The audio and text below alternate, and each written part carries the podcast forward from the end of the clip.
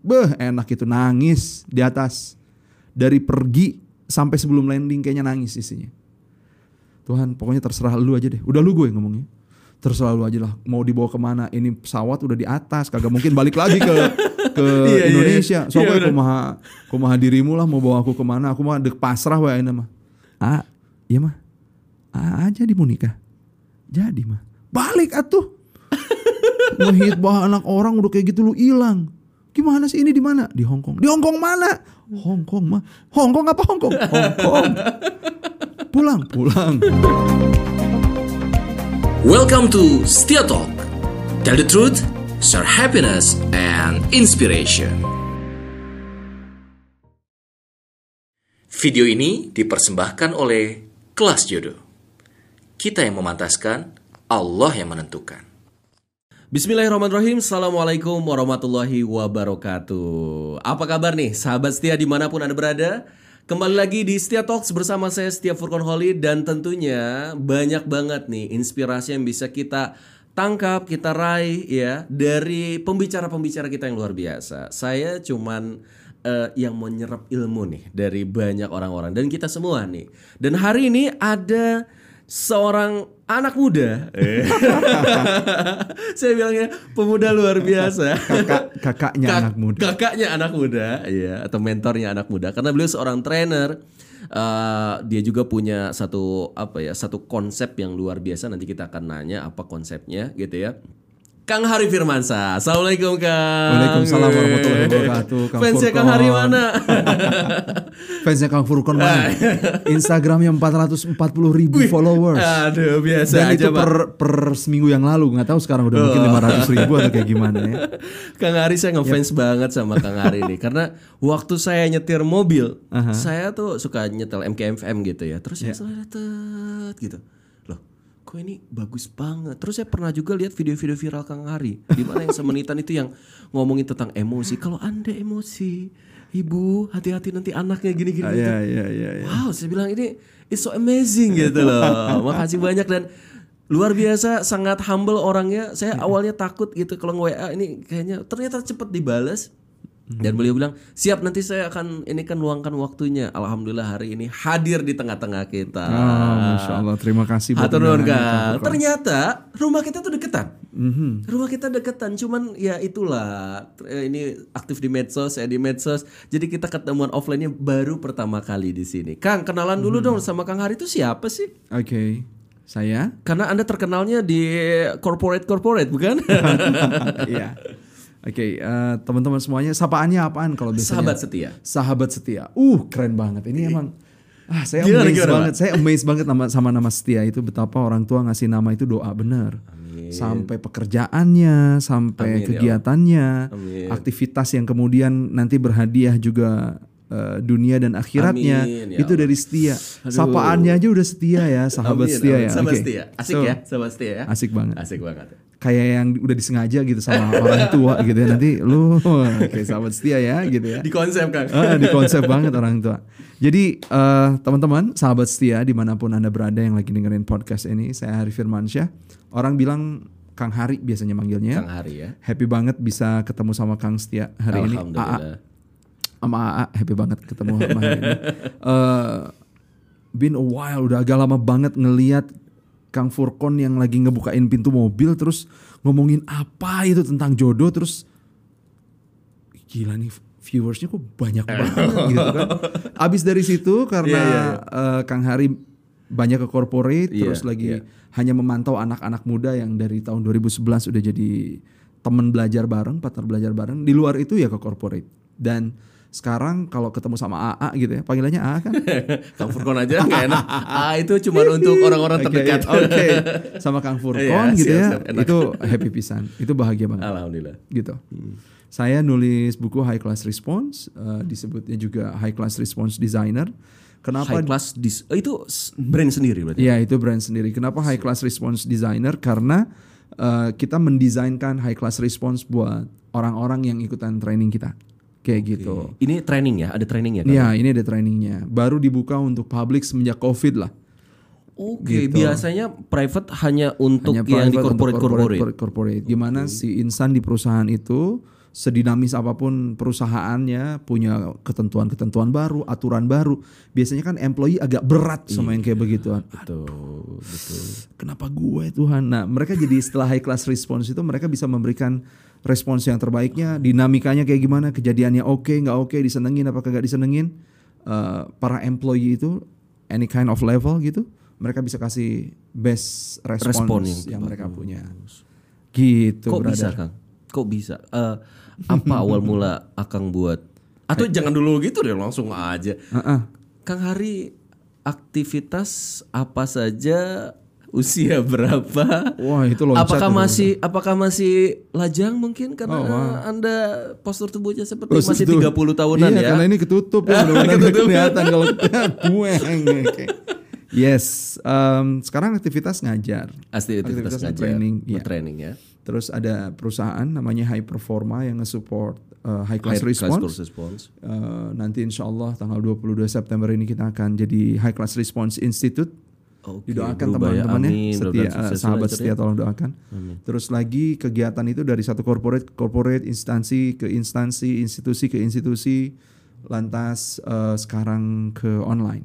ke online Usia ini pertanyaannya multi layer sebenarnya nggak boleh. Eh, oh, nggak boleh. Maaf, Pak. Nggak Maaf, boleh. Maaf, Pak. Usia saya lahir eh, 87. 87 78. oh 87 enggak 78 ya 1978 so sekarang 42 tahun. 42 tapi wajahnya 35an gitu ya Alhamdulillahirabbil alamin. Rekeningnya nanti. Eh, rekening Nama rekeningnya. Iya iya iya. Kang, eh, ngomongin 10 tahun bedanya sama Kang Furkon tapi prestasinya langit dan bumi. Aku wajahnya tua. So saya hari ini harus banyak nanya-nanya sama Kang Ih, Furkon jangan, gimana ini dia podcastnya ya. bisa sampai ada di posisi ini. Ini Kang, cute saya saya ini harus saya nyetir ini kalau enggak ya. Eh, Kang Hari dari kecil sampai sekarang eh, memang passionnya di eh, public speaking atau Hmm. di eh, di training dunia training atau sebenarnya sejarah kecil lah sebentar beberapa Oke. menit Kang. Eh, masa kecil saya, sahabat setia, deket sama tempat kita ambil podcast sekarang ini. Hmm. Em, happy, bahagia banget, Eh, dicukupi sama orang tua, orang tua pelayaran dan juga punya bisnis. Oh, gede dong berarti, orang kaya dong. Orang kaya, amin. Sampai tahun 97 kita punya krisis. Oke. Ah, ah, tahun 97 kan ada krismon ya. Ya. Jadi Kang Hari di usia berapa waktu itu? itu lagi mejehna, lagi lucu-lucunya, lagi SMA. Oh SMA. Ah, ah, jadi iya. eh, harusnya SMA kelas 2 tapi pada saat itu lagi SMA kelas harusnya SMA kelas 3 tapi pada saat itu kelas 2 karena dulu di boarding school kan jadi sekolahnya Oke, 4 ada tahun. empat tahun. Nah, terus dari boarding school di Solo pin- minta pindah ke Bandung aja karena ngelihat eh, ini kenapa ya garasi kok makin lama makin lowong gitu. Ada dua garasi panjang tukang Furkon di rumah dekat sini. Tengah-tengahnya rumah kita, garasinya panjang-panjang dan isinya penuh. Tapi semenjak pulang dari pesantren kok makin lama makin kosong ya, makin lama makin kosong ya. Barang-barang ya. Barang mobilnya makin nggak ada dan di rumah juga sama, makin kosong. Mama kan nyewain peralatan pesta. Hmm. Dulu kosong itu kalau hari Sabtu, hari Ahad kosong karena banyak yang pesta, Iya, iya, iya, banyak iya. yang party nikahan. iya, betul. Tapi ini mah kenapa hari-hari ini kok jadi pada kosong gitu? Ke mana itu yang namanya apalah-apalah itu ya? Orang tua nggak ngasih tahu. Eh, orang tua nggak mungkin nggak ngasih tahu sih, agak repot dia. Nggak ngasih tahu tuh nggak intens karena sayanya Oh jauh. ada jauh ya. Oke, tapi sebetulnya kalau pas lagi pulang saya berusaha nangkep itu kayaknya ada something gitu ya. Dan ketika dikonfirmasi iya ada begini begitu si papap lagi begini begitu ketipu dan lain sebagainya. Dan Berat ya itu ya. berat. Pindah saya minta pindah ke Bandung. Dulu saya bilang nggak betah di pesantren. Padahal lagi betah banget. Dulu saya SMA 5, SMA 5 cuma masuk uh, pas orientasi terus harus ke pesantren. Terus di pesantren saya bilang nggak betah lah, gue pengen ke Bandung lagi. Tapi kan nggak mungkin ke negeri. Iya iya. Jadi saya masuk ke swasta, saya disubsidi di situ. Jadi siswa subsidi, siswa yang dibiayain, Yang tadinya kita harga mahal apa langsungnya subsidi. subsidi. Dan uh, yang ngangkot, terus lagi ya sama lah kayak yang lainnya, cuma bedanya barangkali kalau teman-teman yang ngedengerin nggak pernah disubsidi, saya SMA-nya disubsidi. Em, es, mau ujian nggak UN UN nggak bisa karena belum bayaran. Allah. Jadi kan ada subsidi, ada bayaran, ada apa, ada apa gitu. Saya belum Separah itu bayaran. ya, separah itu ya. Bahkan sampai adik yang paling bungsu. Saya anak pertama, empat bersaudara, adik yang paling bungsu masih ngalamin itu. So tahun 2007, Uh Lama banget ya. Ya 10 tahun, 10 tahun itu jadi 10 tahun itu darkest 10 tahun hour. terberat. Terberat tapi paling disyukuri. Kuliah nggak? Alhamdulillahnya kuliah tapi sambil jualan. Di oh, oh, Ah, jurusan apa kamu? Jadi dulu tuh masuk ke sosiologi UI. Iya. Mm-mm, tapi pas sosiologi UI mikir, gila gue mau ngapain ya di sosiologi ya? Apaan gitu, belum kepikir sosiologi bakalan ngapain, padahal itu jiwa banget tuh sebetulnya. Oh. Terus eh, daftar lagi, Eh, yang kedua sekarang tuh apa namanya SMBPTN. Iya iya iya iya. Yang kedua masuk ke HI Unpad. Oke. Ah, ah, tapi karena pada saat itu lagi ada di Kanada, Kang Harinya, Kang jadi nggak boleh. ah. Kenapa? Ada apa? karena nyari beasiswa supaya bisa kuliah. Taunya bukan beasiswa, itu mah pertukaran pemuda. Tapi udah keterima, apa Oh, udah boleh keterima. buat? Ya, Berapa jadi bulan di sana? Setahun. Oh setahun. Setahun eh, Indonesia fase Indonesia fase Kanada kurang lebih setahun. Jadi 9 bulan itu full. Dulu mah orientasinya dua bulan, tiga bulan Setelah setengah lulus SMA itu. har- harusnya kuliah. Iya, ke sana dulu. ke sana dulu. Harusnya anak-anak kuliah, tapi kalau Kang Hari setelah lulus SMA. Jadi dapat hadiah lah, dapat Hmm, hiburan dari biasa, Allah luar kayaknya. hmm. Dikasih itu ke Kanada. Tadinya pengen cari beasiswa buat kuliah. Ah, iya, Ada lihat di pikiran rakyat, ada pertukar tes pertukaran Indonesia Kanada. Nggak taunya ikutan tes sama anak Lolos. 300 mahasiswa ITB, Unpad dan lain sebagainya yang keren-keren, lolos. Padahal anak lulusan SMA. Padahal anak lulus SMA, kenapa Luar lolos? biasa, Karena soal-soal bahasa Inggrisnya diambil dari SMBTN, dari persiapan, dari bank soal. ya gimana kagak lolos? Ih, persis banget 100%. Persis. Wah itu mah untung banget. Masya Allah. Jadi ada ya yang kayak gitu ya ternyata ya keuntungan itu. ya. Jadi kebayang gak sih ya. sahabat setia ternyata ada loh keberuntungan kayak gitu. Bayangin aja anak terbaik ITB, anak terbaik Unpad, anak terbaik Kalah Maranatha, terbaik semua. Unpar, kalah semuanya. Emang berapa yang diambil? S- eh, yang diambil itu saat saya itu ke Kanada aja 4 Cuman empat. Ranking 1 300. sampai 4 ya terus ke Jepangnya 2 ke Australinya 2 apa satu gitu jadi kurang lebih tujuh orang yang diambil So proud of you, keren banget ya. Allah maha baik Iya Allah maha baik itu ya. ngasih ngasih hiburan Setahun di sana banyak belajar hal banyak hal yang di situ first touch dengan self development jadi Oh. eh, di Kanada itu kita cuma dikasih buku eh, guidebook gitu Iya. terus sok ini tinggal sama host parent. Iya. ini tempat kerjaan kamu yang udah kamu pilih dari beberapa silahkan dipilih. Udah kayak gitu kita ketemuan seminggu sekali. Sepanjang satu minggu itu kita cuma ngikutin buku. Ngikutin buku aja. Ada misalkan eh, mindset itu kayak iceberg gitu-gitu gitu apa yang kamu dapetin. Itu buku itu kalau sekarang kang lihat itu buku coaching semuanya. Self coach self coaching itu first touch sama self development dan kayaknya Keren, keren, jatuh cinta banget sama self development dari situ gitu gitu. Karena emang dipaksa untuk baca dulu awalnya. Nih pokoknya dipaksa ini. untuk iya dipaksa untuk ngelakuin Semuanya sesuatu sama, bukunya itu. semuanya sama experiential learning book namanya Oke. Jadi sebelum kita zaman experiential learning book, bayangin aja tahun 99 2000, sahabat setia belum lahir kayaknya pada saat itu kan. udah lah kalau lahir. Udah ya, kalau lahir ya, berarti- Saya 88. Eh, Kang Furkon, Oh. sahabat Kang Furkon Iya, yang iya, lagi iya, ngedengerin iya. mungkin belum Iya, lahir. benar, benar, benar. benar. betul, betul. Pun kalau sudah lahir berarti teman-teman ini produksi orang tua yang stres karena lagi zamannya krisis. Krisis. 97 dibuat, 98 lahir. Pelarian itu orang tua. Terus kan Yes. akhirnya pulang dari sana kuliah di UI. Pulang dari sana stres karena aduh Culture shock ternyata gitu. hidup tuh indahan di program ya di program kan dibiayai Iya, segala iya, iya, macam iya. segala Iya, macam bener. sekarang gue harus Kembali harus ke kenyataan kembali. hidup lagi. pada saat itu Kang Hari udah di Telkom tahun pertama di Telkom Maksudnya kuliah? sebelum ke Kanada Kuliah? itu uh, uh, Oke. tahun pertama di Telkom University. Telkom Iya. University dulu STMB Iya. buatannya Pak Cacu ya Hmm. sama Pak Garuda. Nah, em, setahun STMB, terus daftar lagi kan Hmm. SMBPTN itu, terus masuk tuh ke HI. Tapi Kang Hari lagi di Kanada pada saat itu, jadi nggak Oke. bisa HI menerima. Lu anak siapa gitu? Semester satu udah mau cuti, mana saha gitu ya?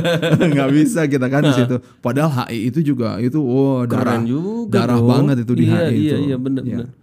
Gitu. Sampai akhirnya kuliahnya di mana jadinya? Kuliahnya di Telkom. Selesai. Selesai alhamdulillah Alhamdulillah. dengan Ambil apa? predikat terlama.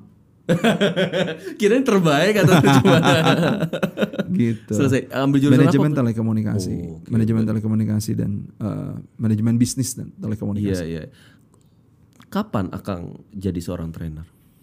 Em, ketika dulu kan karena kuliah harus survive, kita jualan. apa aja dijual. Kita, Karena orang tua udah nggak bisa. orang tua pada saat itu udah kasihan lah kalau Iya, kita minta. Ada beasiswa bisa kuliah, kagak ada beasiswa, eh, lu numpang sama tetangga untuk naik eh, mobilnya ke sampai ke kampus, gitu. Bersyukur banget ada tiga orang yang kuliahnya sama sekomplek itu dan tukeran aja terus bareng. Saya numpang aja terus. Jadi em, dari kapan semenjak jadi trainer itu kapan ya? Jadi ketika kuliah harus jualan kan, harus nyablon, terus harus Apa aja? Jualan apa, aja? apa aja apa aja dijualan eh, Palu dijualin. gada, palu, palu gada gua. palu butuh gua, gua, gua ada. ngebuat bendera partai ngebuat kaos ngebu- eh, ngejualin wayang-wayangan sampai ke Australia terus lagi apa aja lah pokoknya dijual dan selalu ada yang kayak begitu tuh selalu aja dicukupkan itu eh kok ada lagi kok ada lagi gitu ya tapi kan kita nggak mikirin terus gue gimana dong yang penting besok Iya. butuh apa ada gitu. Itu mikirnya. Nah eh, ketika tahun 2006 saya diminta sama abang. Abang ngakunya abang. Eh, bisnis. Diminta Ri boleh dong lu ke Hong Kong? Ngapain Kang ya lu lihatlah calon network kita di sana. Jadi saya bikutan bisnis MLM marketing. Oke. Okay. Tiansi. Oke. Okay. Ah, sorry disebutin namanya ya. Oke. Okay. Dan tahun 2006 itu saya ke Hong Kong. Posisi wow. bintang 7 pada saat itu. Eh bintang 7 bintang bagus loh. Ya udah lumayan. Gede dong. Udah lumayan penghasilan tuh udah terus ada gitu dan. Kok bisa banyak kan? Apa Karena itu? anda orang yang nggak maksudnya cepet banget ke bintang 7 Eh, nggak uh, juga dari tahun berapa ya kita oh, ngerintisnya beberapa oh, tahun. Beberapa tahun. Uh. Di itu tuh puncak-puncaknya tuh 2006. 2006 puncaknya ya, ke Hong Kong. Ke Hong Kong. Diminta ke Hong Kong. Pada saat itu saya nggak punya duit banget karena untuk Tiens eh, bonus Tiens kan dipakai untuk iya, iya. balik lagi Betul. terus lagi orang kalau bilang orang tua butuh kayaknya gimana gitu ya tapi untuk keluarga untuk segala macam untuk segala macam gitu jadi nol nggak punya duit. Saya bilang ke Hong Kong tapi kan kita tahu kita bisnis lagi low banget nih kan aku bilang gitu. Iya tapi gue ngerti lah lu pasti punya harapan di sana gede. Tapi kan gue nggak punya duit. Nanti duit dari gue beres dia bilang. Tiket dari gue oh ya udah kalau gratis mau apa boleh ya kan? berangkat hari Selasa Selasa malam eh, berangkat hari Selasa malam jadi nyampe Rabu subuh di Hongkong Selasa malam itu di bandara itu akang saya bilang Ri ini duit cuma ada 7.500 eh sorry dan ini teh belum didolarin jadi masih rupiah. Disegel kertasnya isi amplopnya. Terus gue bilang aduh kang 2.500 Bisa apa? malam semalam aja 800 ribu kan Hongkong Iya, itu iya, udah sekamar berlima. Oh, oh, oh. udah apa tuh namanya kalau di kita. Ya hotel-hotel Iya, buat travelers gitu, lah gitu, uh, bukan melati lagi backpacker banget. Backpacker itu banget backpacker itu. langsa itu mah. Itu 800 ribu kan ya gue mah yakin lah lo survive. Eh dan mana kumaha gue survive gue survive. Tapi karena tiket sudah dibeli Iyalah, paspor juga. Karena ada. kita kan visa on arrival kan kita Iya, nggak mikirin betul, visa. betul. jadi mau nggak mau ya udah nggak mikirin visa pergi aja. Di atas Usia berapa itu Kang? Hari? itu berarti tahun berapa ya? 96 itu ya? 27 ya? 27 Heeh. Belum nikah?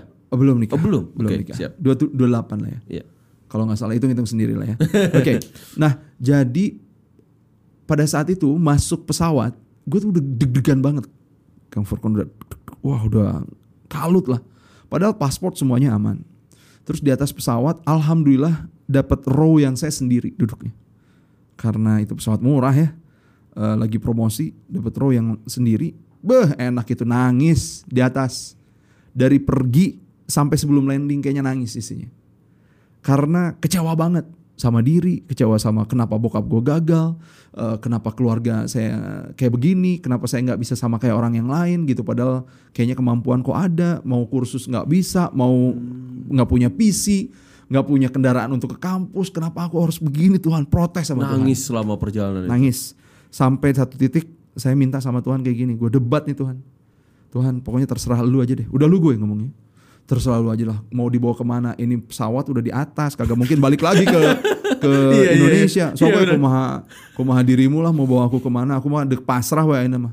Udah capek hidup kayak gini terus naik di bisnis sedikit. Rugi yang lain.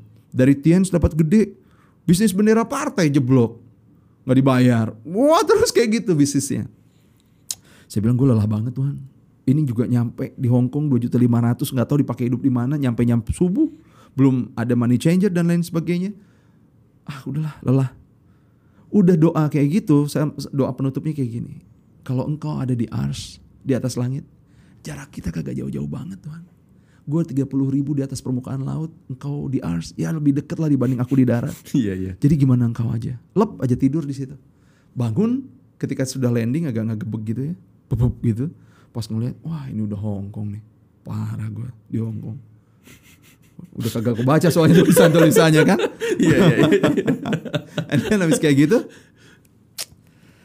keluar orang-orang foto-foto keluar oh itu kan bandara one of the best in the world Yes, yes. Uh, ininya uh, Cathay Pacific kan Iya betul bagus. Huh, orang-orang pada foto-foto aku mau gegebegan gue makan apa kagak makan apa kagak gitu ya udah Iya, lapar iya, iya. kerebek-kerebek dan lain sebagainya nyari yang halal gimana kalau ada yang halal duitnya juga kagak ada masih rupiah belum ada money changer buka dan lain sebagainya akhirnya saya keluar setelah sholat subuh dari bandara. Eh, jam setengah tujuh gitulah apa jam tujuhan. Nggak taunya di luar udah ada yang nungguin. Udah ada kakak-kakak teteh mbak blondie pirang rambutnya. Terus pakai nama papa nama Hari Firmansyah. Mister Hari Firmansyah. Wah, gue bilang nama gue nih. Hey this is my my name. Where you come from? Oh ini mas, mas Hari toh mau memiliki Mas Hari loh kok gue bilang kok bahasa Jawa sih mbak? Uh, kulo saking Jember. Loh, kok, kok pirang? Gue bilang kulitnya putih kok pirang? "Hah, anu bleaching gagal kemarin. Di bleaching gagal coy. Itu namanya Mbak Lastri. Iya iya. salah satu orang yang mengubah hidup saya juga. Jadi dari pertemuan sama Mbak Lasri di situ ternyata saya nggak dibiarin kelaparan, nggak dibiarin sengsara, nggak dibiarin gimana-gimana. Stay di Hong Kong sampai acara hari Ahad. Dari hari Rabu kan ke hari Ahad itu berapa? 800 ribu, 800 ribu, Iya, iya, 800 ribu. iya. Iya, iya. Ternyata dibayarin. Oh emang suruhannya ini suruhannya abang tadi. Enggak, bukan, bukan network kita, bukan dari jaringan so kita. gimana dia tahu? ada namanya Bu Atin yang dari Bandung nyeritain ini hari em, mau, Mau ke Hong berangkat Kong, ke Hong Kong. uh, uh, please diurusin. Saya nggak minta sama Bu Atin untuk diurusin, tapi itu diurusin. Itu luar biasa banget.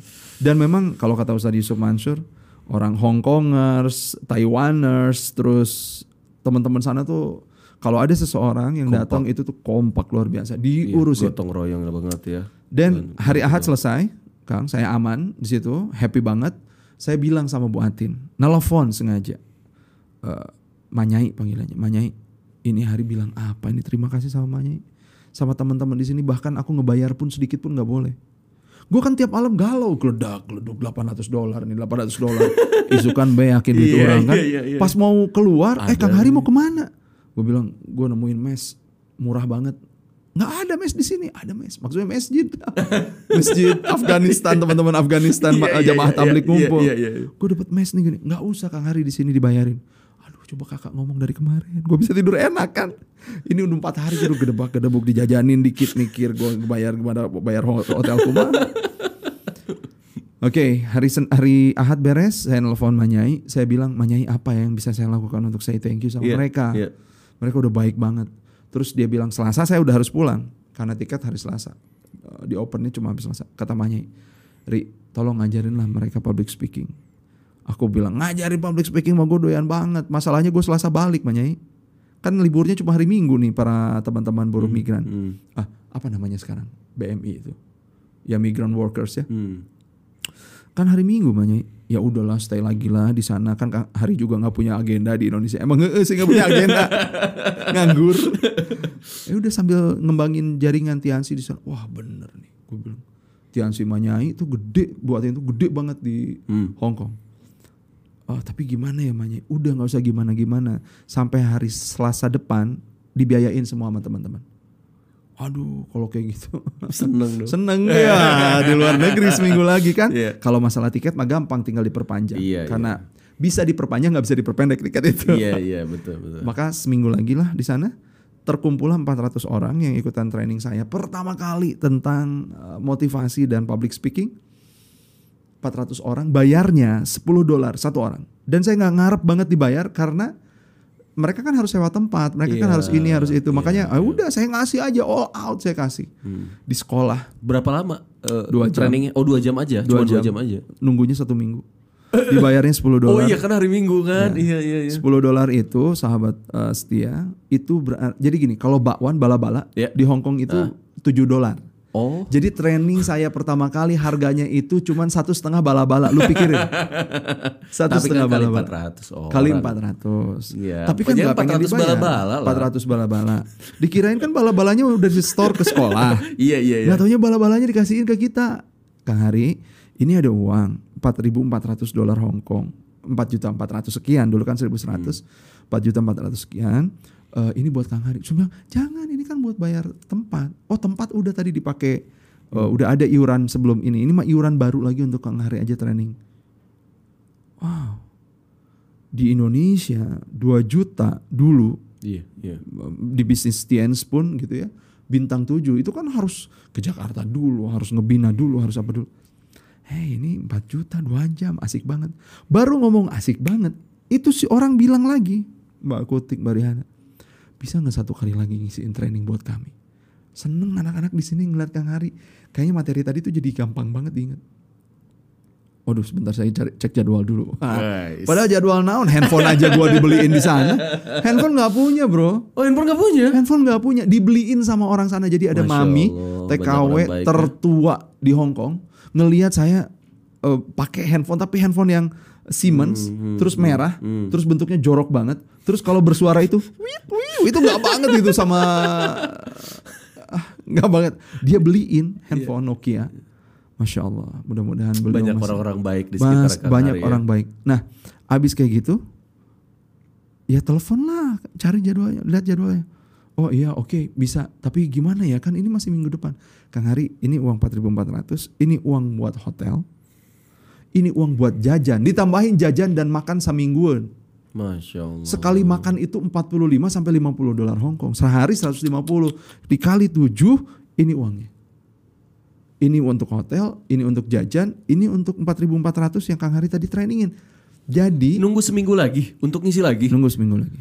Oh party wow, guys. Wow, wow. Oke, dan abis itu ngisi lagi, abis itu diminta lagi. Tapi kan harus satu bulan kan berarti di sana. Dan pada saat itu ada telepon dari Bandung 0262, oh Indonesia nih, 22, eh Bandung 756, Ciwastra. Bener tuh? Iya, iya, Bener iya. kan? Iya, betul. Ciwastra. Ciwastra. Diangkat. Ah, iya mah. Ah, jadi mau nikah. Jadi mah. Balik atuh. Ngehitbah anak orang udah kayak gitu lu hilang. Gimana sih ini di mana? Di Hong Kong. Di Hong Kong mana? Hong Kong mah. Hong Kong apa Hong Kong? Hong Kong. Pulang, pulang. Sebelum pulang, saya dikumpulin lagi tuh sama kakak-kakak yang eh, migran Indonesia itu. Pahlawan devisa. Kang Hari, ini ada duit dari anak-anak. 15 ribu dolar Hong Kong.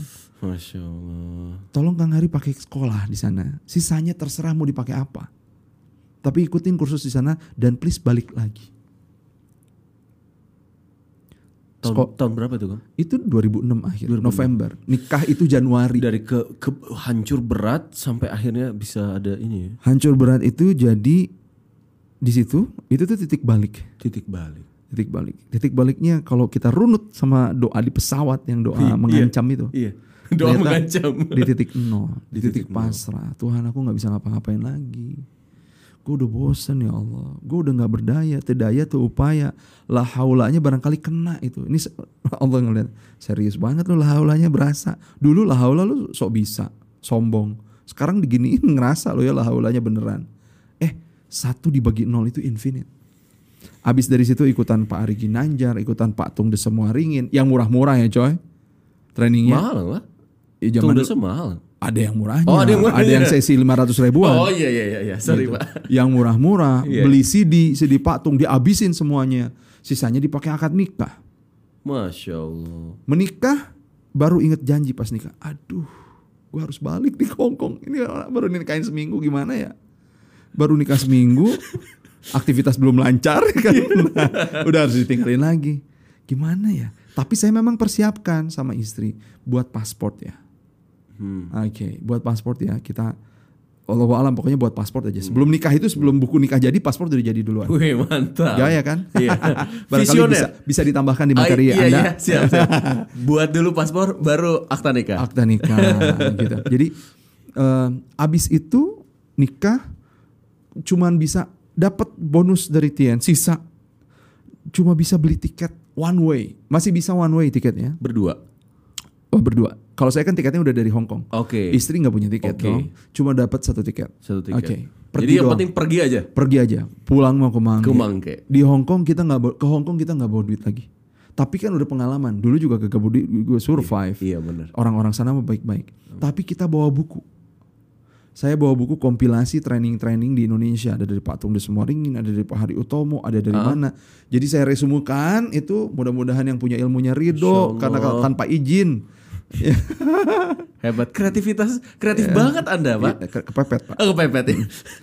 Jadi di bawah buku itu, terus saya bilang sama teman-teman besoknya. Jadi hari Jumat kita nyampe, hari Sabtu, hari Ahad nyampe di situ. Saya udah main ke Victoria Park. Terus, eh gue punya buku nih. Kalau mau ikutan training gue nanti, kan dua bulan udah dipatok sama mereka. Oh, Ke hari delapan kali pertemuan ya, Wow. gitu ya, delapan kali pertemuan. Oke siap. Kalau mau ikutan ini, kalau beli bukunya di atas 300 ribu, 300 dolar, lu nggak usah bayar lagi. Kan sekali bayar 10 dolaran kan? Iya, iya. lu nggak harus lagi kalau 8 itu kan 80 Iya. ini 300 300 dolar ini bebas tapi ini kita nggak nggak nggak cuma jual 300 dolar terserah anda mau berapa aja tapi kalau makin tinggi nanti kita bisa ngobrol. Hmm. Terus? Dibeli 1000 dolar. Sama buruh migran. Ada satu orang beli buku 1000 dolar. Itu sejuta seratus coy bukunya. Oh, fotokopian. cuma satu. satu. Oh, cuma satu. satu. Karena kita ketemuannya di Victoria Park. Kenapa nggak dipotokopi aja jadi banyak? oh maaf bukunya bawanya banyak. Oh, bawa bukunya banyak tapi yang kejual pada saat itu cuma satu oke, oke paham. itu hari Jumat sore istri udah mulai geleng-geleng gue nikahin siapa edan gitu cenanya Seribu, gue tahu itu motokopinya kapan di Indonesia. Kenapa jadi sejuta seratus gitu? Gue juga yang nerimanya kaget. Kenapa sejuta seratus ya? Ternyata pada saat itu saya lagi menerapkan ilmu marketing revolutionnya Pak Tung, selling skillsnya Pak Tung. Udah kayak gitu, besoknya kita training pertama 10 dolaran mereka masuk lagi, kita lesehan trainingnya, ada 300 orang, terus saya bilang, oke ini ada buku saya bawa, kita training cuma 10 ribu, eh, 10 dolar satu kali pertemuan, tapi kalau misalkan anda mau beli buku ini, harganya 300 dolar, after training saya, nanti kita buat kelas kecil lagi, khusus ya buat yang beli buku. Masya Allah sahabat setia yang beli 200 orang. Kurang dong. Kita bawanya ya kurang, tapi jadinya kita bisa perbanyak di sana. Oh, iya. Yang beli 200 orang itu tuh jadi terkumpul 60 ribu. Pada saat itu Wow. bukunya pun belum ada. 60 ribu. PO jadinya. Beberapa Zaman banget tacananya PO. Zaman dulu belum ada PO. Iya tapi PO.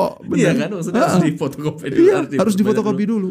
Dan nyari fotokopian di Hongkong itu kan unik banget harus ke pasar harus ke mana gitu ya. Dan sekali fotokopi teh mahal banget gitu ya. Sampai kita beli printernya untuk ngeprint sesuatu.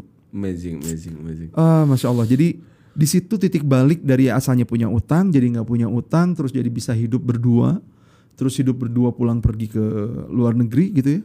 Sering banget jadinya ke Hong Kong. Iya, jadi sering ke Hong Kong. Kurang lebih kalau di tahun itu tuh satu tahun kalau dipadatkan Wow. itu enam bulan lah kita stay-nya di Hong Kong sama istri.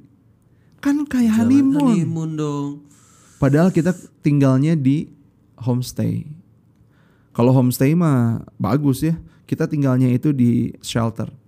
Tempat penampungan para TKW yang nggak punya paspor, yang nggak punya visa. Mereka eh, maaf, lesbi, mereka jualan pil koplo. Kita tinggalnya di shelter itu. Why? Karena saya nggak tahu panitia ngasihnya di mana. Tolong carikan yang murah karena kos kita nggak mungkin kan 800 ribu semalam. Ya. Jadi kita dicarikan yang 300 dolar seminggu. Dan itu tuh di situ. Ada lagi yang lebih murah 250 dolar. kamar-kamar ada kan? Kamar ada, tapi yang para TKW TKW yang maaf yang tadi itu itu tinggalnya di ruangan gede. Kamar itu cuma kamar saya Oh, sama kamar sebelah. aduh, aduh. Sisanya mereka risbang. Wah, jadi istri itu pas masuk ke ruangan itu astagfirullahaladzim, astagfirullahaladzim. Tenang, tenang. Barijeng saya juga astagfirullahaladzim. Udah kaget, saya nggak ngerti. Ternyata di Hong Kong ada sisi gelap TKW seperti itu. Tapi di situ justru terasah. Dua bulan itu kita jadi ngajarin mereka ngaji, Masya ngajarin mereka sholat, ngajarin mereka semua muanya. Jadi dari mana ikhlas respon itu, Kang? Dari kehidupan saya di darkest hour itu gitu dari em, gimana ngadepin kejadian-kejadian yang tidak kita harapkan, tapi hasilnya jadi bagus. Dan temannya ada di mana, hentakannya ada di mana? Ada di satu tujuan, one life purpose dibagi nol. Satu dibagi nol. Jadi kalau kita udah pasrah, Tuhan di mana sih jodoh gue? Gue udah kurang ikhtiar kayak gimana? Udah memperbagus diri kayak gimana? Tahajud udah, kayak mulai siang malam, kayak mulai siang malam ya. Duha udah, udah sodako, udah segala macam. Tapi di mana jodohnya?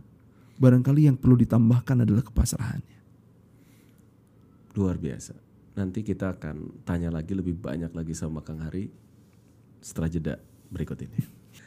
Huh, luar biasa banget. Ini sesi pertama yang sangat menegangkan. Ini sampai tim saya aja tadi melongo. Saya aja sama melongo gitu ya. Teman-teman juga mungkin semuanya melongo karena begitu luar biasa perjalanan hidup yang roller coaster kehidupan ya. Roller coaster kehidupan yang luar biasa. Dengan ujian yang dari mulai apa dari mulai kecil dengan ujian seperti itu pernah kaya terus jatuh terus juga naik lagi jatuh lagi sampai nekat dan yang lain. Banyak banget kayaknya keajaiban yang hadir di eh, hidupnya Kang Hari gitu. Sampai akhirnya tadi ada namanya high class response. Yep. jadi itu jadi konsep Jadi yang konsep, akhirnya jadi jadi, training ya. Iya. trainingnya Kang Hari. Kang Hari ini banyak juga teman-teman yang mungkin eh eh, sama misalnya tentang jodoh nih gitu. Mhm. wah gua nih udah ikut kelas jodoh Mm-mm. udah ikut pelatihan-pelatihan udah memantaskan diri ya tadi gitu udah Hmm. baca buku udah ya memantaskan diri. mana jodohnya gitu loh Yep. sampai mungkin ada di titik kepasrahan enggak enggak kepasrahan ya di titik terendah dan ya tadi mungkin sampai kalau Kang Hari tadi di pesawat Tuhan kenapa aku gitu Yes. why me kata Allah why not gitu nah gimana Kang eh, menanggapi orang-orang yang mungkin jadi hopeless Oke, baik. Hopeless itu kan hopeless ketiadaan harapan. Hmm. Kalau pasrah harapannya tetap besar, tapi gimana Allah? Beda Gitu, di beda di situ. Salah satu bentuk dari depresi itu adalah ketika kita punya keinginan tapi kita nggak punya tenaga untuk itu. Hmm. Itu udah masuk ke sesi yang depresi, gitu. Tapi apakah ketika depresi kita sudah pasrah belum tentu. ketika depresi kita pasrah belum tentu Belum iya tentu. betul. Ada yang udah depresi tapi masih begundal aja gitu Iya, sama iya, Tuhan. betul betul Berasa jika orang bisa. Kayaknya gue bisa menunjukkan sisi terbaikku yang ini gitu. Padahal kalau ditarik sedikit aja lagi itu jadi level zero gitu ya. Jadi kalau kata Pak Ari zero mind process yes zero mind process itu udah jadi titik balik yang amazing banget. Dan itu butuh latihan, beda butuh tipis ya antara depresi sama Iya. apa eh, kepasrahan tuh kepasrahan. Ada orang yang depresi tapi masih misalkan nggak mau berserah diri. ngoyo ya Pasrah itu kan berserah diri, gitu. Pasrah itu berserah diri. Tapi kita juga optimal ngasih uh, ikhtiarnya. ikhtiarnya optimal Namun kepasrahannya itu total, Total. berserah diri. Kita pasrahnya kagak nih kagak total. Bingung banget sih sama COVID ini tuh gimana Tuhan? Udah jawabannya udah jelas atuh.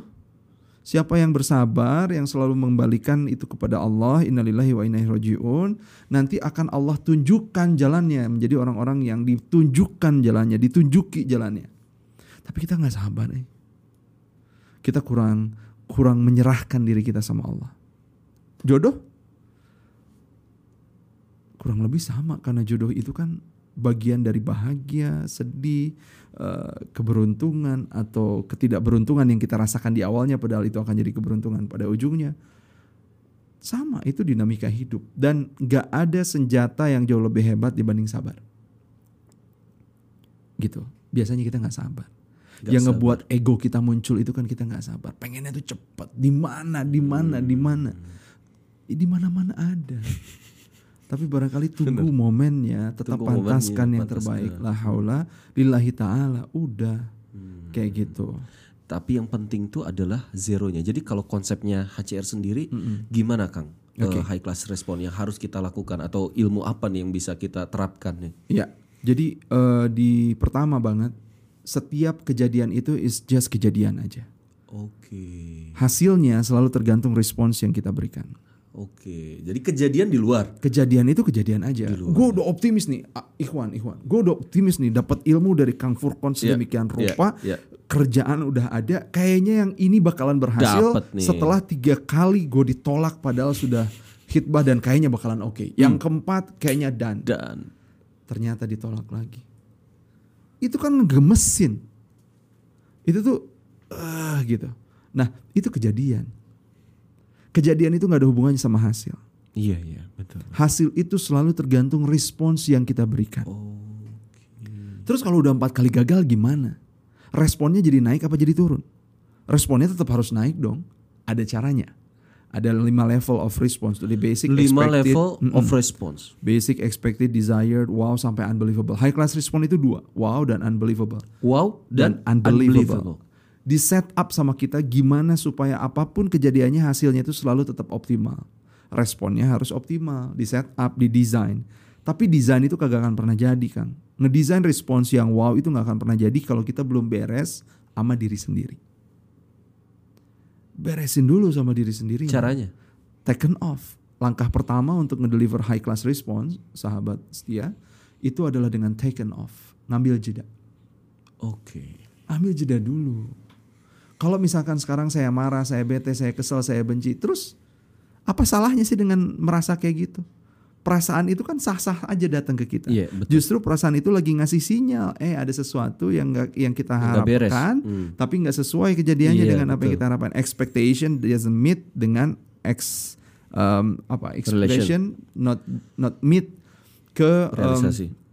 ke ke experience. oh, experience. Uh, ya. uh, Jadi ekspektasi kita nggak sesuai dengan experience yang kita Iya. alamin. Hmm. Terus kalau gua marah, kalau gua ini kan rasa yang dikasih sama Tuhan, ini kenapa tidak gitu? Terus apa sih sebetulnya pesan yang dibawa sama si marah itu? Hmm.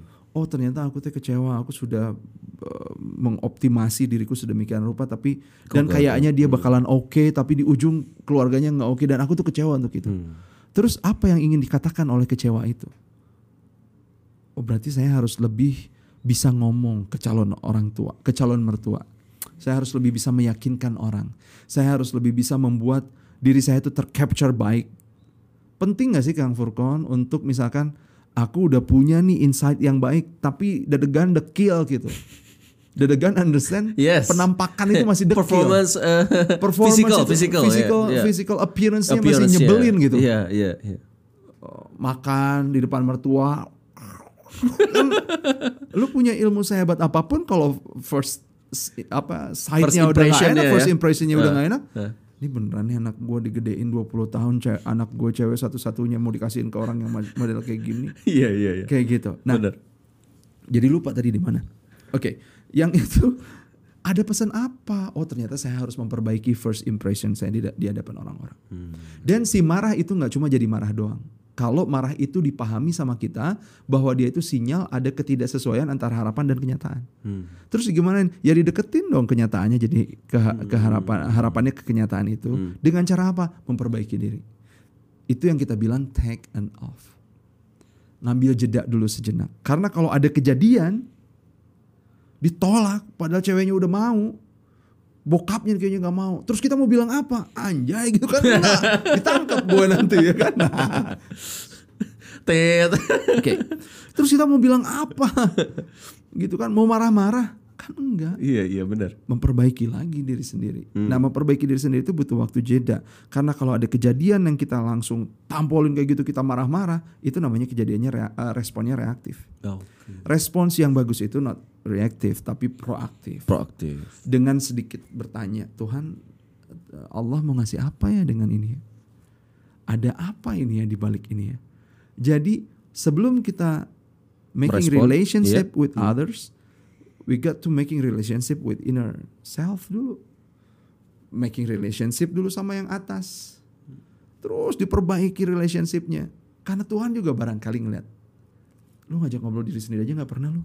Nanti udah married lu kagak ngajak ngobrol pasangan lu, pasangan lu stres. Hmm. Ya jangan gitu-gitu juga kali itu anak manusia. Maka sering-sering self talk, sering-sering bangun spiritual talk with God Hmm. dengan Allah. Entah kenapa ya. Saya ngelihat orang yang sering kayak begitu pancaran sinar wajahnya itu beda.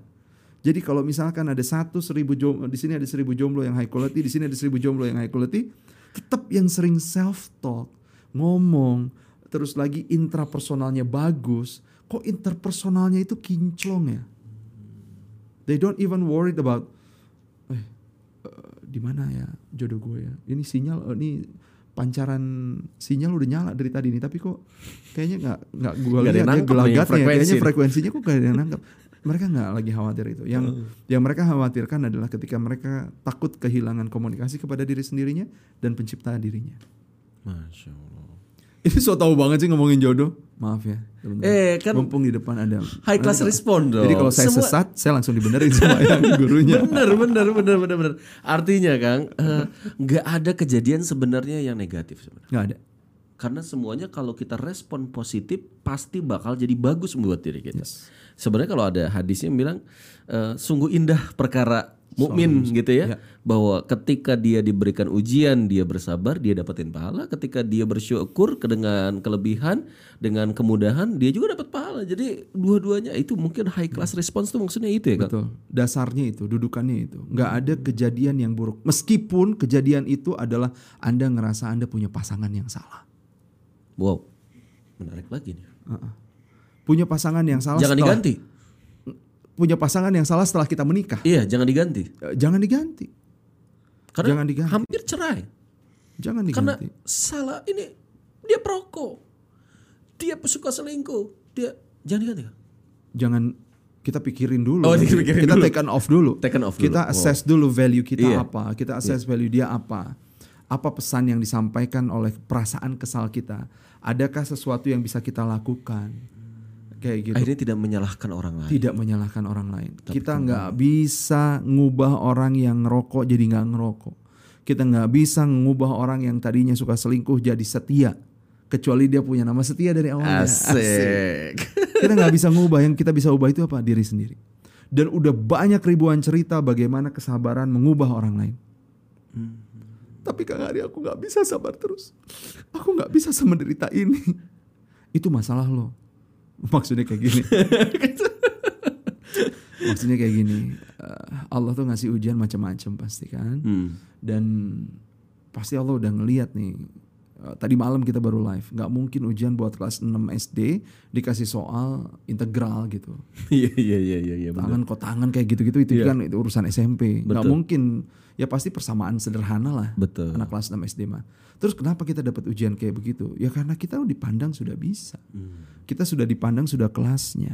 Maka nikmati ujian itu respons dengan respons yang terbaik, banyak-banyak berbicara sama Allah dan minta sama Allah, ya Allah ini harus kayak gimana? Saya nggak tahu jawaban yang tadi. Nggak boleh ganti Kang.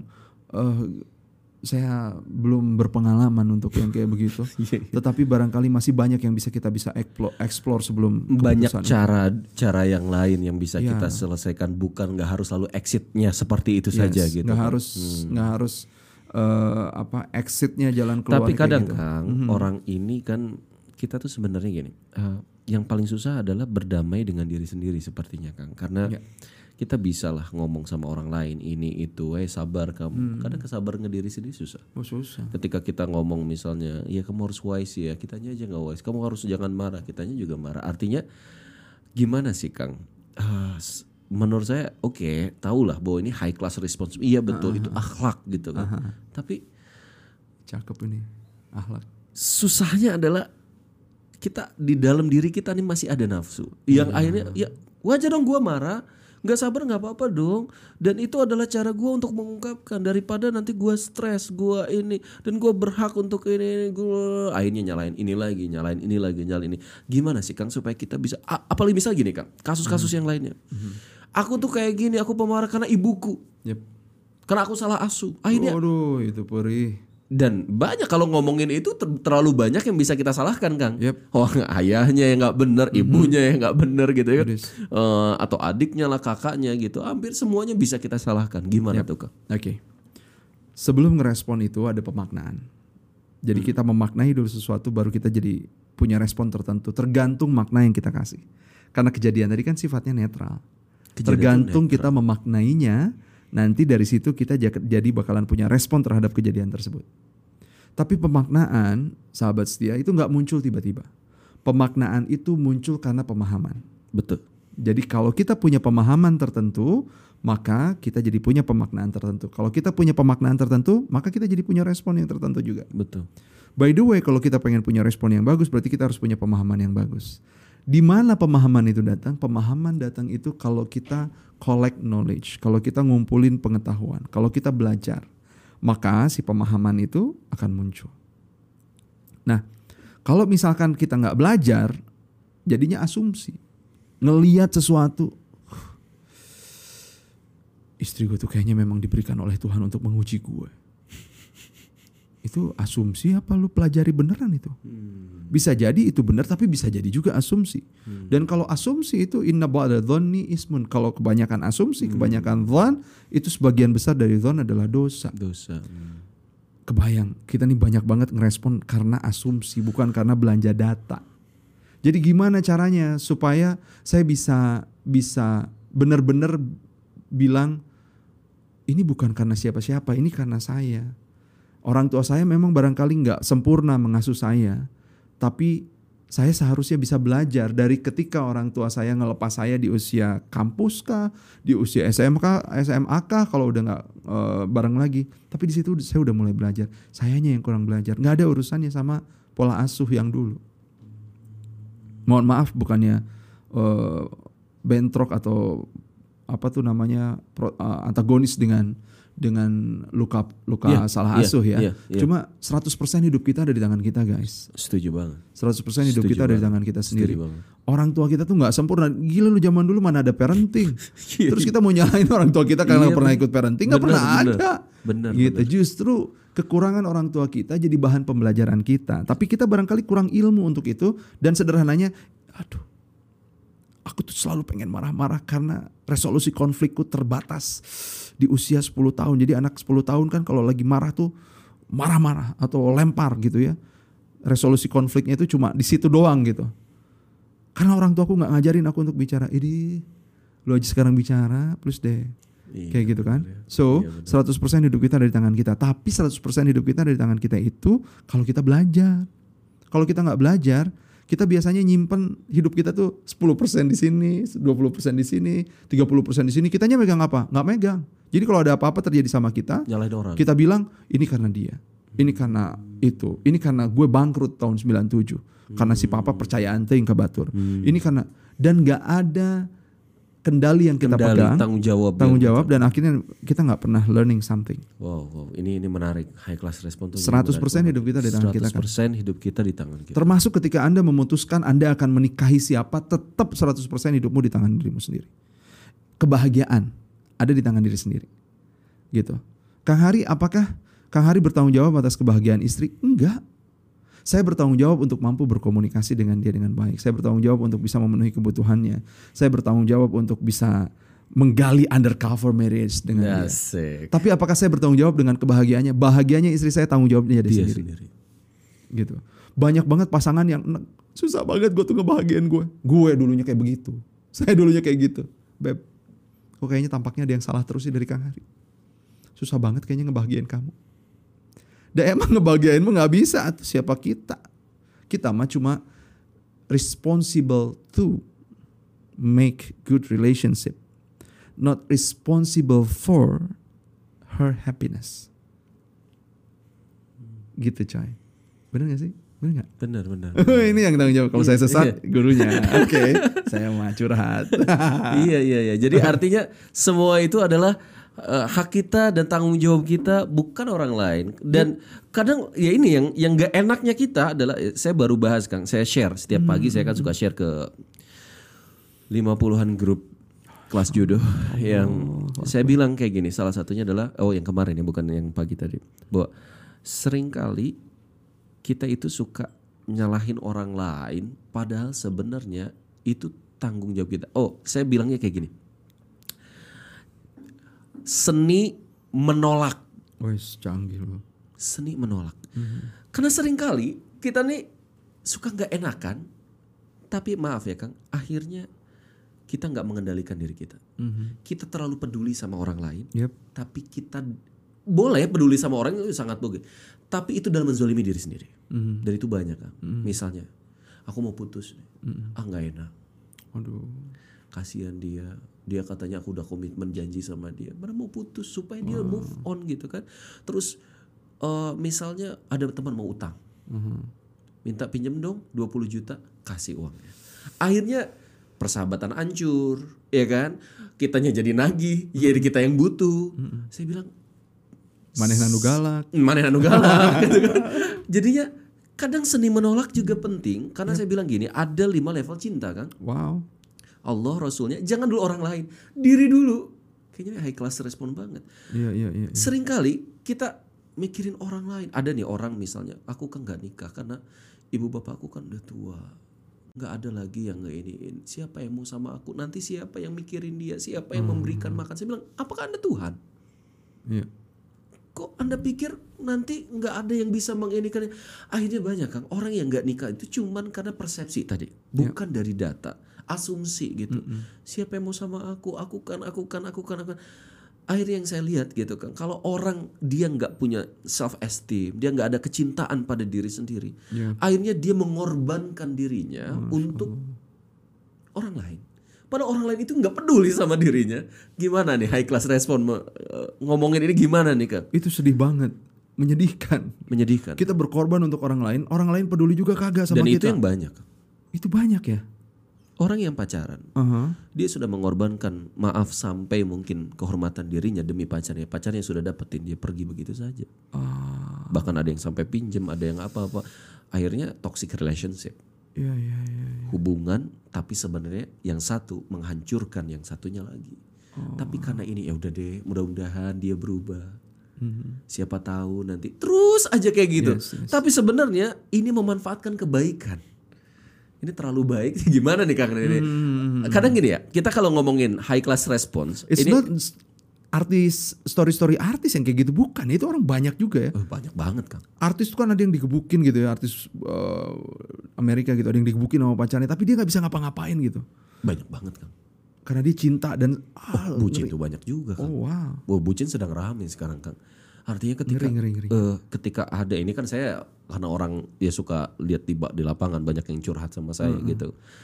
Dia kayak yang nggak bisa keluar Kang dari ah, toxic relationship akhirnya. Huh. Eh, sesuatu hubungan yang dia nggak bisa move on dari itu akhirnya tapi dia nggak ke mana-mana gitu loh Yep. nikah enggak karir juga. Setiap ada uang habis dengan dipinjam oleh dia gitu loh. Ke mana-mana nggak boleh akhirnya eh, dia terkekang gitu. Ataupun itu adalah orang tua dia akhirnya nggak bisa nikah. Karena orang tuanya harus nunggu dulu orang tua meninggal pada orang tua masih sehat. Nah ini eh, gimana nih kang? Korelasi sama high class respon. Ar- takut ah, takutnya ada orang yang bersepsi oke kalau kayak gitu saya kan harus terus baik sama orang. Kita ini ya kalau dengan orang ini kita harus seperti ini. Akhirnya dimanfaatkan kebaikan kita eh, tapi dengan mencederai diri kita. Iya. nah gimana nih kang? Iya. menarik menarik menarik Wah. menurut saya. Thank you. Ini insight yang baru banget. insight baru ya kang Mengagetkan karena udah nggak biasa ngobrolin itu gitu ya. ini relationship nih kang Ya. saya karena Ini- banyak banget yang masuk In- sama saya, nih. sering ngomong diri saya ini di usia yang kayak gini ini udah masuk ke integrator. Integrator itu yang yang atas sama yang bawah dipertemukan sama saya gitu. Tangga yang yang ha- harusnya selalu ada, nggak boleh hilang. Dari yang baby boomers ke yang millennials, integrators. Nah, eh, sahabat setia yang pertama banget kita harus bedakan ketika sebelum menikah dan sudah menikah. Jadi kalau setia eh, sebelum menikah sahabat setia boleh mikirin apa pun bahkan ambil keputusan yang paling baik untuk kita. Siap. Tapi kalau sudah menikah nanti beda lagi responsnya. Oke. siap. Eh, tetapi ini saya akan ngasih ngasih dudukan dulu yang sama. Siap. Ada lima gaya kita ngadepin masalah. Pertama kita lari dari masalah. lari dari yang masalah, kedua bertahan dalam masalah. bertahan dalam yang masalah. ketiga kita ngatasin masalah. Ngatasin yang keempat mengelola masalah. Yang kelima memanfaatkan masalah. mengolah masalah bus memanfaatkan Oke. masalah. Yang lari dari masalah itu adalah orang-orang yang semakin lama semakin lemah karena dia bukan melakukan apa yang harusnya dia lakukan. Justru dia tidak melakukan hal-hal yang harus dia lakukan dan dia rasa dia tahu untuk lakukan tapi dia mendingan flight aja.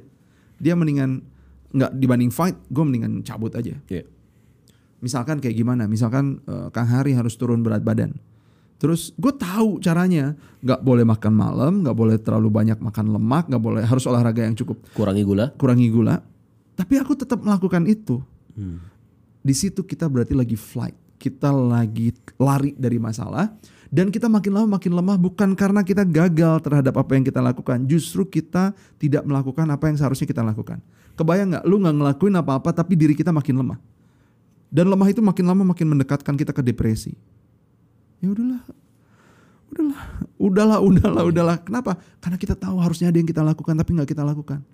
Ngobrol sama orang tua harusnya kita lakukan, tapi nggak kita nggak lakukan. lakukan. Mama boleh dong. Saya insya Allah akan tetap cinta sama mama, tetap sayang sama mama, dan insya Allah doain sama mama jodohnya yang terbaik yang sayang sama mama. Mama nanti boleh nyeleksi itu dari sedemikian koleksi Itu teteh yang ada. menghadapi namanya. Itu ngadepin. Hmm, Tapi kan- flight, ya. Tapi kan mendingan ah rarese lah si mama geus Ya kolot udah. biasa diajak ngobrol. tunggu mati Udahlah. wes mamana. Aduh, nauzubillah. itu banyak ya? Iya. Oh wow. Oke, itu lari dari masalah. Lari dari masalah. Yang kedua bertahan dalam masalah. Ini gele, ini bucin. Kalau dalam cinta. Oh setuju aku. Toxic. Ini toxic tuh- relationship ini namanya. bertahan. Iya. Demi dia aku bertahan. Iya. Atau nyakitin hati dong, Kang. Nyakitin diri sendiri. Bayangin, Ini yang saya tadi bayangin cerita. di Ultimate Fighting Championship orang yang bertahan itu yang kayak gimana? Yang digebukin, yang keluar tenaganya all out untuk bertahan, tapi digebukin dan sakit dan engap, understand engap, sesek, tapi bertahan. Itu bertahan yang tidak inspiratif. Setuju. Itu bertahan yang menyakitkan dan kita ngeluarin energi di dalam model pertahanan kayak gitu sama dengan ngeluarin energi kita ngadepin masalah. Bahkan lebih gede energinya yang keluar ketika kita bertahan tapi hasilnya nothing. Eh bertahan yang dalam yang menginspirasi kayak gimana ya? Bertahan yang menginspirasi itu ketika kita punya perbedaan pendapat sama istri kita. Hmm. Terus kita bertahan untuk tetap mencari jalan keluar yang terbaik. Karena kita tahu di satu titik pasti ada persamaan. Hmm. Kayak gitu. Itu bertahan yang inspiratif. Ada nggak di dalam suami istri bertahan yang uh, tidak inspiratif? Ada. Aku bertahan kayak gini demi anak-anak. Pret lah. Lu nggak ngobrol sama suami lo, suami lu nggak ngobrol sama lo, dan lo demi anak-anak terus anak-anak ngeliat contoh yang mana? Benar, benar. Tersakiti anak-anak juga. Benar. Gitu. Ada jalan lain lah untuk ya apa pun itu sampai barangkali nauzubillah ya. Kita tidak ingin melakukan itu. Tapi jangan bertahan dalam masalah saja. Atasi masalah. Atasi masalah di level yang ketiga tuh. Bisa proaktif, bisa reaktif yang tadi. Reaktif tuh ngatasin masalah, aduh liar eh ngerokok ah. Ngerokok. Perasaan kalau udah ngerokok masalah jadi kurang. Lu ngatasin masalah tapi dengan yang reaktif Dengan masalah. dengan masalah.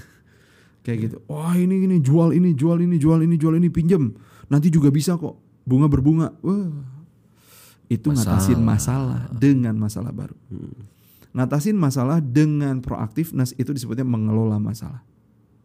Mengelola masalah bedanya dengan memanfaatkan masalah guys. Mengelola masalah itu kemenangannya cuma untuk saya.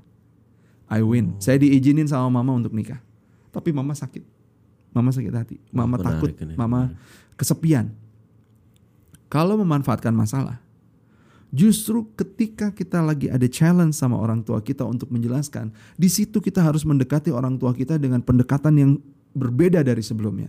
Jadi pertanyaannya ke dalam diri, apa yang bisa aku lakukan berbeda untuk mendekati mamaku supaya mamaku tuh bisa ngasih restu sama aku untuk Wih, pendekatan menarik. Jadi seni ya, Kang? Jadi seni, because response is not science. Response itu art Art. seni. Atau ke mama jangan kalau misalkan serumah, ya jangan cuma pulang bawa badan. Apalagi pulang bawa badan muka juga suntuk. Mama juga kesel ngeliatnya. Iya, iya, Gila lo mau gua kasih izin lu sendirian aja masih kusut kayak begitu. Siapa yang mau nyetrika wajah lu kalau bukan gua kata mama gitu kan. bener, bener, bener. Ya pulang itu dengan sumringah teteh. Ah, ah, pulang itu dengan bahagia, dengan keceriaan, bawakan mama sesuatu. Ya lumpia basah juga nggak apa-apa, sepuluh ribuan kalau pakai GoFood. Kenapa iklannya? Tapi mama happy. Iya. iya. Mama ngeliat, hey, anak gue kayaknya udah bertumbuh deh. Kayaknya aku bisa ngasih kepercayaan yang lebih. Mama didn't read what you read. Mama didn't listen what you listen. Mama didn't follow your training like you follow Iya. trainingnya Kang Furkon kan? Tapi Mama read you. Mama hear you. Mama watching you. Hmm. Mama nggak baca apa yang kita baca, Mama nggak lihat apa yang kita lihat, Betul. tapi Mama tuh ngelihat kita banget. Oh, Orang tuh ngelihat banget kita banget. Dalam banget, iya. Akhirnya kita memanfaatkan masalah. Akhirnya kita memanfaatkan Itu masalah itu bagus, yang paling tinggi karena Paling bukan cuma win ke kita tapi juga win ke mamahnya Win-win solution. win win dia dulu Dia menang dulu kita menang, juga kita juga menang. The best. the best Kang Tahu nggak udah sejam lebih ini? Masya Allah luar Jangan biasa. lupa. gue ngeri Rapid test. panjang-panjangin cuma untuk menghindari yang ini mau flight dari yang ini Flight, Gak bisa. Kang Ari, karena ini hampir ya semuanya itu saya suka kasih. Enggak kok gampang-gampang kok Kang Ari karena eh, justru dengan seperti ini kan kita ngomongin belief orang ya. belief orang itu kan dengan kecepatan dengan ini itu bisa membuat kita jadi terinspirasi lah. Ini belief, value, identity. Siap. Kang Ari, oke ada beberapa pertanyaan yang ingin saya tanyakan. Tolong dipilih Kang Ari ya. Oh dipilih. Dipilih. Oke. Cuman antara ini atau ini. Oke. Ini atau ini. Langsung Siap. pilih satu aja. Siap. Jadi pengusaha atau trainer? Jadi pengusaha Jadi pengusaha. Online atau offline? online, Online. online. Sekarang online, kemarin offline. Sekarang online. Sampai nanti. Sampai nanti online. Ni- Nikmat dengan online. Eh, lagi berusaha menikmati. Lagi berusaha menikmati. Oke. Em, lebih pilih keluarga Uh-uh. atau bisnis? Value, keluarga. Keluarga. Keluarga atau dakwah? dakwah. Bagian orang tua atau bahagiain anak? Hararese. Masya Allah bahagiain. Oh my God, it is so hard. Kenapa harus milih dulu? Itu keluarga. Eh, semuanya boleh, cuman maksudnya gini, eh, yang lebih lah, yang lebih priority kan ini ngomongin priority, bukan ngomongin ini enggak jadinya ini enggak enggak juga, enggak juga ini kan cuman pertanyaan aja Bahagian orang tua. orang tua, oke, karena anak masih bisa dicari. itu ya jawabannya enggak juga. Family time atau couple time? Couple time. Dipuji Mhm. atau dikasih panggung? Dipuji atau dikasih panggung, dikasih panggung. Dikasih panggung. Maksudnya ini panggung dalam training ya? Iya, iya. Ah, dikasih iya, panggung. Iya. Eh, dikasih dikasih uang Aha. atau fee atau dikasih apresiasi. Dikasih apresiasi dan uang. Em, dipeluk atau dipuji? Dipeluk. Oke. De- oleh ini oleh ngomongin istri ya, ini ngomongin pasangan bukan eh, ini ya. Ya kalau dia mau coba. Berani. Oke. Pisahkan Eh, dulu. terus eh quality time atau dilayani? Eh, quality time. Quality time. Yep. Eh, dikasih hadiah atau quality time? Quality time. Quality time. Me time atau couple time? Couple time. Couple time atau family time? Couple time. Oke. Bahasa cinta banget. Ya. Ini bahasa cinta banget. Ya itu di akhir-akhir bahasa cinta banget. Wow. Kang. Apa yang tadi bisa Kang Furkon? Eh, kok Anda yang nanya saya? saya yang nanya Anda. Nanti setelah ini baru Anda Oh nanya. gitu ya. ya. Kang, luar biasa ya. Saya senang banget dengan Kang Ari karena eh, bukan putus deh. Bukan cuma bukan cuman apa eh, inspirasi hidupnya, tapi juga ilmunya luar biasa. Apa sih Kang tips supaya kita tuh jadi orang yang ilmunya banyak, terus juga asik dengan banyak orang? Ada nggak? Ya mungkin ini jadi inspirasi buat teman-teman di akhir perjumpaan kita mungkin. Em, saya justru dibilang sama orang yang udah sangat tahu ilmunya itu itu terus. Ilmunya nggak banyak. Menarik ini menarik. Iya, ilmunya nggak banyak, ilmunya segitu. Malah malah naon sih manena ngan sakit wungkul gitu. Kalau kata Bu Tejo, tapi ini bapak-bapak barangkali ngomongnya kayak gitu. Kok cuma itu itu doang yang diulang. Lagi. Eh, tetapi karena memang berprinsip banget, yang sederhana itulah yang kemudian mengubah banyak orang. Yang sederhana itulah yang kemudian menggugah banyak orang. Kenapa banyak orang yang mau ikut Kang Setia, Kang Furkon untuk ikutan trainingnya? Karena apa yang dibilang sama Kang Furkon itu sudah Kang Furkon lakukan. betul, betul, betul. Keilmuan barangkali dibanding sama yang uh, Iya. training orang-orang, pre-marriage di Atau Singapura ustad-ustad, atau ya. di mana itu mungkin lebih banyak tapi daya gugah, daya hujam, daya ubah kok kayaknya sama Kang Furkon beda ya. Hmm. Ya karena sederhana ilmunya. Apa itu sederhana itu definisinya melakukan apa yang dikatakan. Jadi eh, gimana ya supaya orang eh, bisa enak sama kita? Ya udah apa adanya aja. Being vulnerable itu oke banget. Being vulnerable itu sah banget. Even buat trainer yang kelihatannya Kang Hari gila ya kalau gue ngeliat lu kayaknya sabar terus. Lihat dari mana lu sabar terus? Kagak. Kang Hari kayaknya positif terus. Lu gila positif anak empat. Kalau positif terus anak delapan. ya kan? yang nggak boleh positif covid Wah, no, ya, ya, ya, itu Iya ya, kan? jangan ya. Positif dari mana? Enggak bro, kadang-kadang gue negatif. Cuma pas gue negatif, gue tahu healingnya. Healingnya apa? Ngobrol sama orang tentang problem gue, tapi juga solusi yang lagi berusaha aku pecahkan.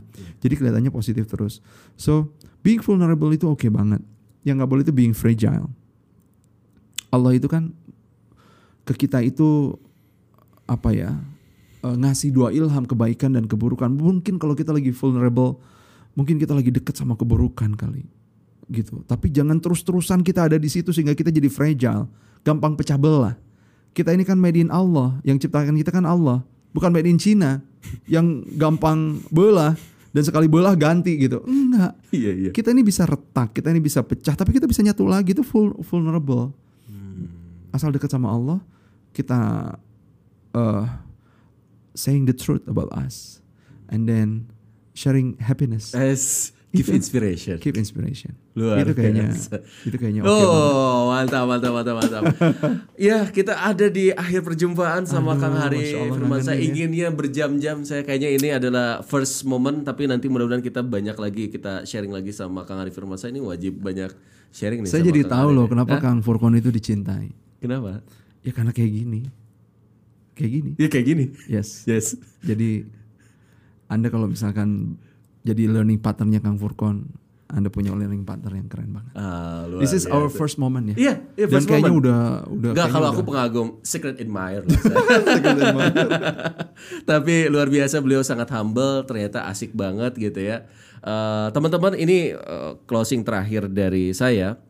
Saya mau ngasih tiga buku ini spesial buat teman-teman yang eh, sekarang nonton ya. Eh, tapi ada syaratnya. Yang pertama jangan lupa subscribe dulu eh, channel kita dan jangan lupa Anda harus follow dulu dong Instagramnya Kang Hari Firmansyah. Apa Kang? at H A R R I Firmansyah R. Ada YouTube atau yang lainnya? Ada harus YouTube Hari Firmansyah R. Hari Firman Syair, Anda harus dulu follow juga sama, eh, subscribe juga sama, jangan lupa di, eh, di sini juga. Dan tolong Anda capture tadi ada yang beliau bilang nih, eh, tolong ditulis ulang lagi ya. 5 level orang ketika bertemu sama masalah. Silahkan Anda tulis nanti yang paling bagus jawabannya nanti saya akan kasih satu, orang satu. Jadi ada tiga buku, satu orang satu. Nanti Anda saya acak dan saya akan berikan spesial. Jadi Kang kita selalu kan share happiness. Jadi selalu ada giveaway. Selalu ada giveaway. Udah berapa buku yang diberesin Kang? Baru 16 buku. Gosh, 16 buku. Satu buku aja bangga. Terus apa yang kita harus bangga? Alhamdulillah. Ada yang 16 buku loh. Dan itu semuanya dari pengalaman hidup bukan cuma Insya Allah, insya Allah. eh, pengetahuan yang didapatkan dari Google. Ah, udah, udah, udah, udah. Nanti kita jadi nggak selesai ini. ya. Kang Ari luar biasa, senang banget. Ya, ada satu quotes terakhir dari saya mungkin ya, Eh, dan ini juga eh, mungkin saya banyak belajar dari Kang Hari Firmansyah eh, di eh, sesi kita kali ini bahwa eh, kita bisa memilih untuk bersedih, untuk bahagia. Tapi ketika kita memilih untuk bahagia, maka di situlah kita akan mendapatkan kesuksesan sejati. Saya Stephen Holid di Setia Talks bersama Kang Hari Firmansyah. Wah, Thank makasih you, Kang, Kang luar biasa. Setia Talk. Tell the truth, share happiness and inspiration. Halo buat teman-teman semua yang udah menonton tayangannya ini dan mendapatkan manfaat juga inspirasi, jangan lupa untuk like, comment, share, and subscribe ya. Insya Allah membuat kita semakin semangat untuk bisa memberi inspirasi lagi.